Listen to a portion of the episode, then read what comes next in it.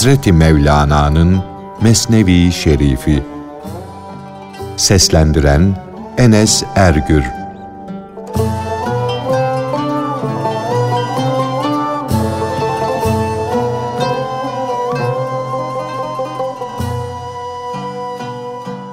O icra hakimi ile o borçlu garibin iyiliksever müfettişin mezarından dönmeleri, o gece icra hakiminin rüyasında müfettişi görmesi.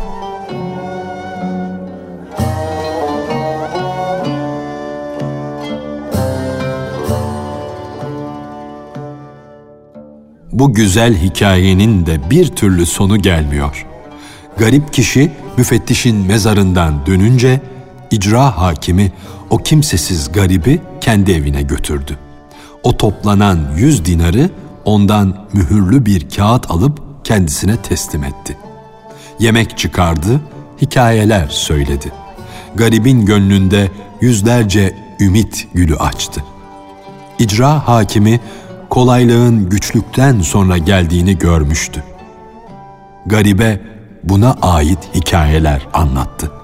Vakit gece yarısını geçti. Hikayeler söylerler, konuşup dururlarken uyku onları aldı. Ta can yaylasına kadar götürdü. İcra hakimi rüyasında o iyi kalpli müfettişi, o kutlu insanı gördü. Odanın baş köşesine geçmiş oturuyordu. İcra hakimine, ''Ey iyi insan'' dedi. ''Söylediklerini bir bir duydum, işittim. Ancak cevap vermeme izin yoktu. İzinsiz konuşamam, dudağımı açamam. Biz işlerin nice olduğunu, nereye vardığını anladık da o yüzden dudaklarımıza mühür vurdular. Gizli şeylerin ortaya çıkmamasını, yaşayışın, insanların geçim hayatının yıkılmamasını böylece sağladılar. Gaflet perdesi tamamıyla yırtılmasın, mihnet tenceresi iyice kaynasın, pişsin dediler. Kulağımız kalmadı ama biz baştan ayağa kulak olduk. Her ne kadar dudağımızı kapamışız, susuyoruz ama baştan başa söz kesildik. Dünyadayken ne verdiysek şimdi onları burada bulduk. Bu cihan bir perdedir. Asıl gerçek dünya, hakiki alem o cihandır. Ekim günü ektiğini gizleme günüdür. Tohumu toprağa saçma günüdür. Hasat zamanı ise tohumun kemale geldiği, bitip olgunlaştığı gündür. Şimdi benden o misafirine, o garibe edeceğim iyilikleri duy. Ben onun geleceğini biliyordum, duyuyordum. Borçlu olduğunu da duymuştum. Onun için birkaç mücevher hazırlamıştım. O mücevherler onun borcuna yeter de artar bile. Aziz misafirim kederlenmesin, kalbi yaralı kalmasın diye bunları düşünmüştüm. Onun dokuz bin dinar borcu var. Borcunu bunların bir kısmıyla ödemesini söyle. Bu paranın birçoğu da artar. Söyle, onları da harcasın. Beni de duada unutmasın. Bu parayı ona kendi elimle vermek isterdim. Bunu vasiyetnameme filan deftere de yazmışımdır. Ama incileri ona gizlice vermeme ecel mühlet vermedi. Onun borcuna verilmek üzere lal ve yakutu bir şeye sardım. Üstüne de onun adını yazdım. Ben onları filan kemerin altına gömdüm. Benim o dosta karşı duyduğum sevgi çok eskidir. Onların değerini padişahlardan başkaları bilemez.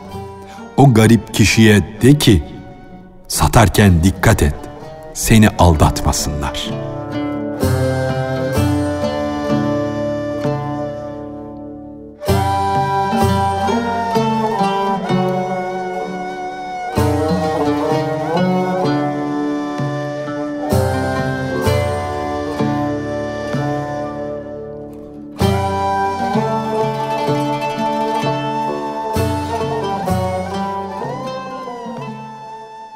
Cafer Hazretlerinin bir kaleyi tek başına zapt etmeye gelmesi, o kalenin padişahının Hazreti Cafer'i alt etmek için veziri ile müşavere etmesi, vezirin padişaha kaleyi teslim et, bilgisizliğinden ötürü hiddete kapılıp savaşa girme. Çünkü bu zata Allah tarafından kuvvet verilmiştir. Onun ruhaniyetinin görünmez, pek kalabalık bir ordusu vardır demesi.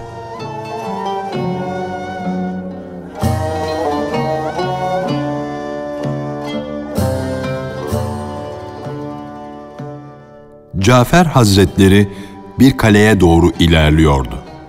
Sanki kale onun susamış diline, damağına bir yudumcuk su idi.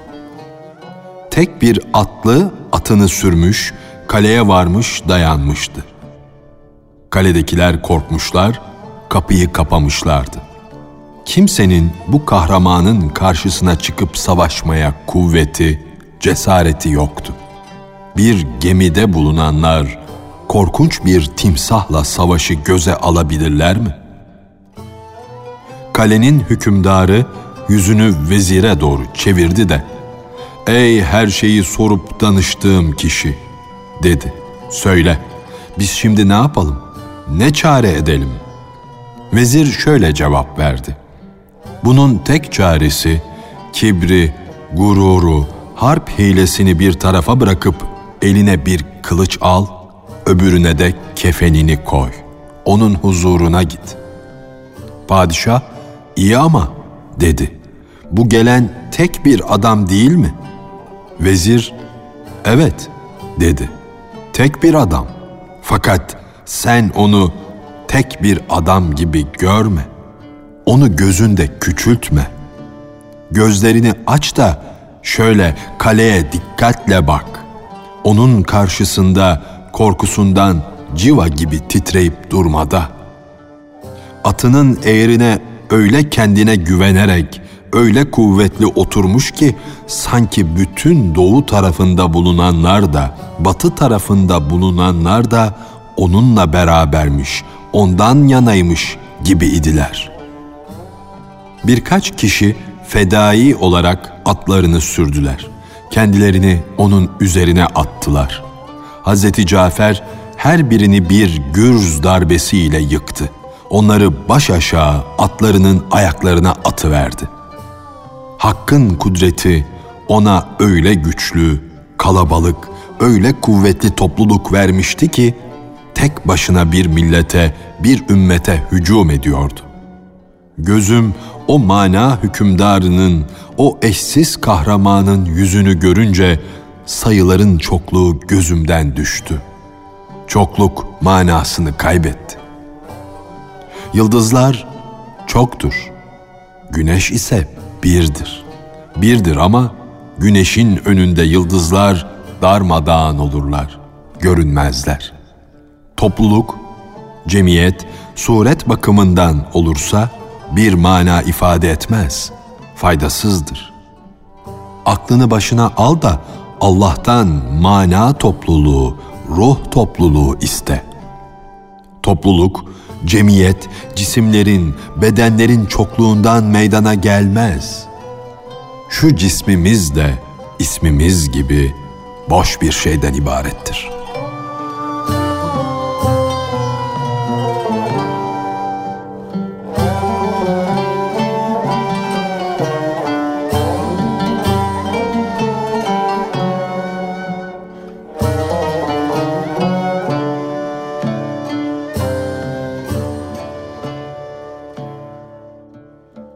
Topluluğun cemiyet halinde bulunmanın gücü. Fareler ve kedi.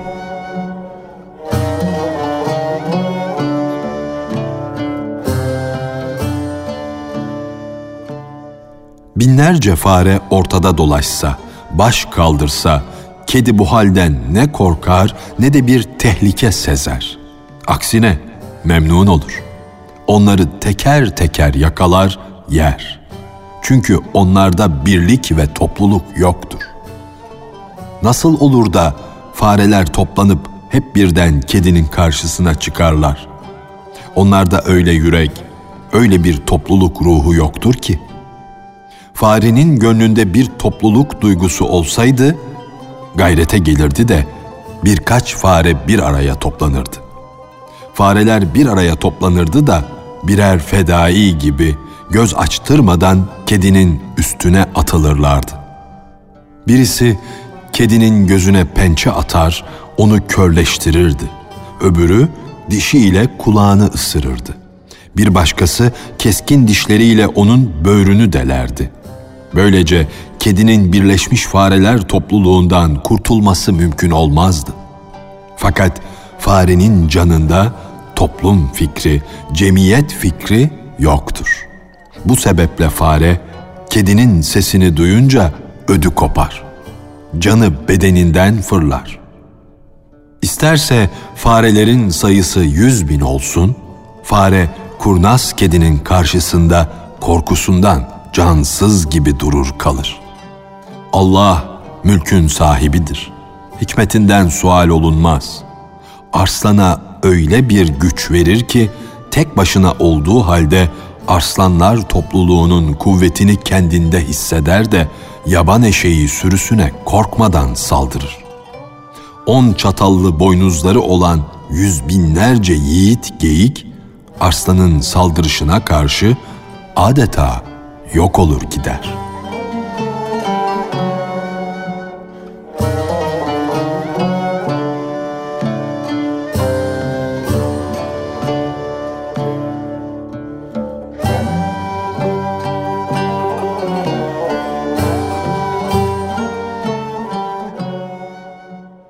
Allah'ın verdiği güzellik, Allah'ın verdiği nur anlatılamaz.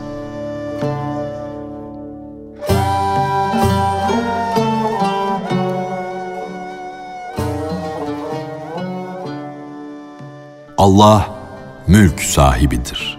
Dileyince güzellik mülkünü Yusuf'a ihsan eder de onu ak buluttan süzülen latif yağmura döndürür bir yüze bir yıldız parlaklığı ihsan eder de bir padişah bir kıza kul olur, köle olur. Bir başka yüze de kendi nurunu verir ki o nur gece yarısında bile her şeyi, her iyiyi ve her kötüyü görür, fark eder. Hazreti Yusuf'la Hazreti Musa da Hakk'ın nuru ile nurlandılar. O nur yüzlerinde de, yanaklarında da göründü. Gönüllerinde, göğüslerinde de parladı. Hz. Musa'nın yüzü öyle parlak, öyle göz kamaştırıcı bir nur saçtı ki, yüzüne bir nikap, bir perde koymak zorunda kaldı. Hz. Musa, Hak'tan o kuvvetli, o tesirli nuru örtecek bir örtü istedi. Cenab-ı Hak, ''Ey Musa, sen o örtüyü kendi kiliminden yap. Çünkü o emin bir arifin elbisesidir diye buyurdu.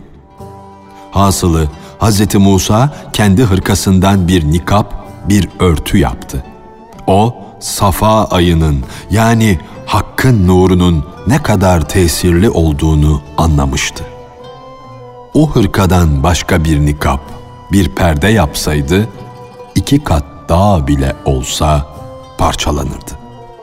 Hakkın nuru demir duvarlardan bile geçtikten sonra o nura karşı nikap, perde ne işe yarar? O nikap heyecanlı, ateşli bir arifin coşkunluk zamanında giydiği bir hırkaydı. O ilahi aşkın ateşine düştü, nuruna kapıldı da Safura iki gözünü kaybetti. Safura, vahye mazhar olan Hz. Musa'nın ilahi nurlar saçan yüzüne iki gözü ile bakmaya cesaret edemedi de bir gözünü kapattı. Öteki gözüyle Musa'nın yüzündeki nura baktı. O nuru görür görmez bakan gözü kör oldu. Ondan sonra sabrı tükendi, öbür gözünü açtı, baktı. O gözünü de o ilahi nur uğruna harcadı. Kadının biri Safura'ya, o nergis gibi gözlerin elden gitti diye üzülmüyor musun? diye sordu. Üzülüyorum, sızlanıyorum.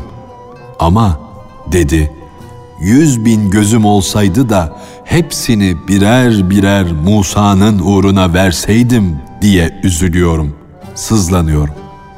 Gözümün penceresi ayın o parlak nuruna dayanamadı da yıkıldı. Fakat ay da bir define gibi geldi, viran olmuş, yıkılmış bu yeri yurt edindi. Define bu virane, bu yıkık yer evin önü mü idi yoksa ev mi idi hatırlamama imkan mı bırakır?''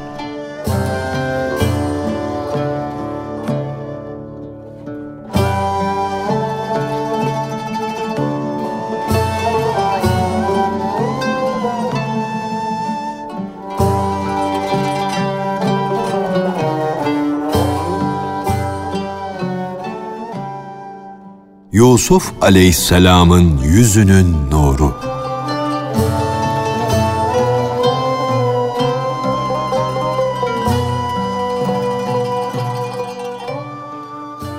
Sokaktan geçerken Yusuf'un yüzünün nuru o civarda bulunan köşklerin, evlerin pencerelerinden, kafeslerinden içeriye vururdu, düşerdi. Köşklerde bulunanlar belli ki Yusuf gezmeye çıktı şimdi buradan geçiyor derlerdi. Köşede bucakta oturanlar da duvarlarda ışıklar, parıltılar görünce Yusuf'un oradan geçtiğini anlarlardı. Yusuf'un geçtiği sokağa penceresi bulunan ev onun oradan geçişinden şereflenir, nurlanırdı.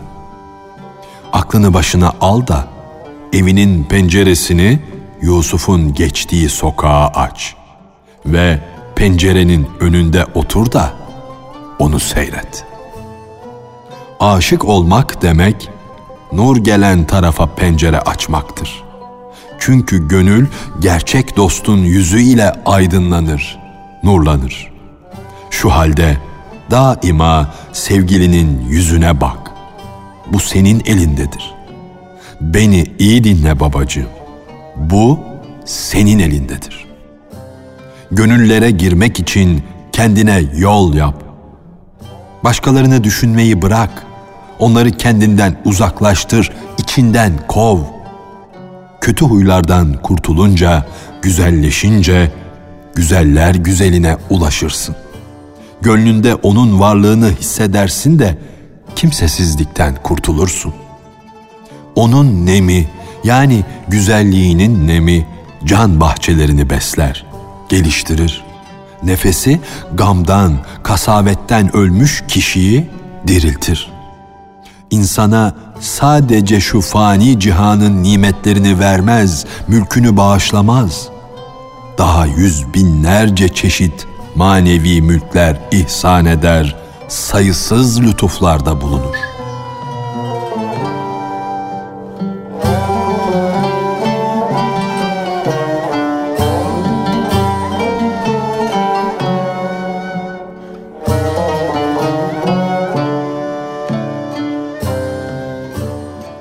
Hazreti Mevlana'nın Mesnevi Şerifi.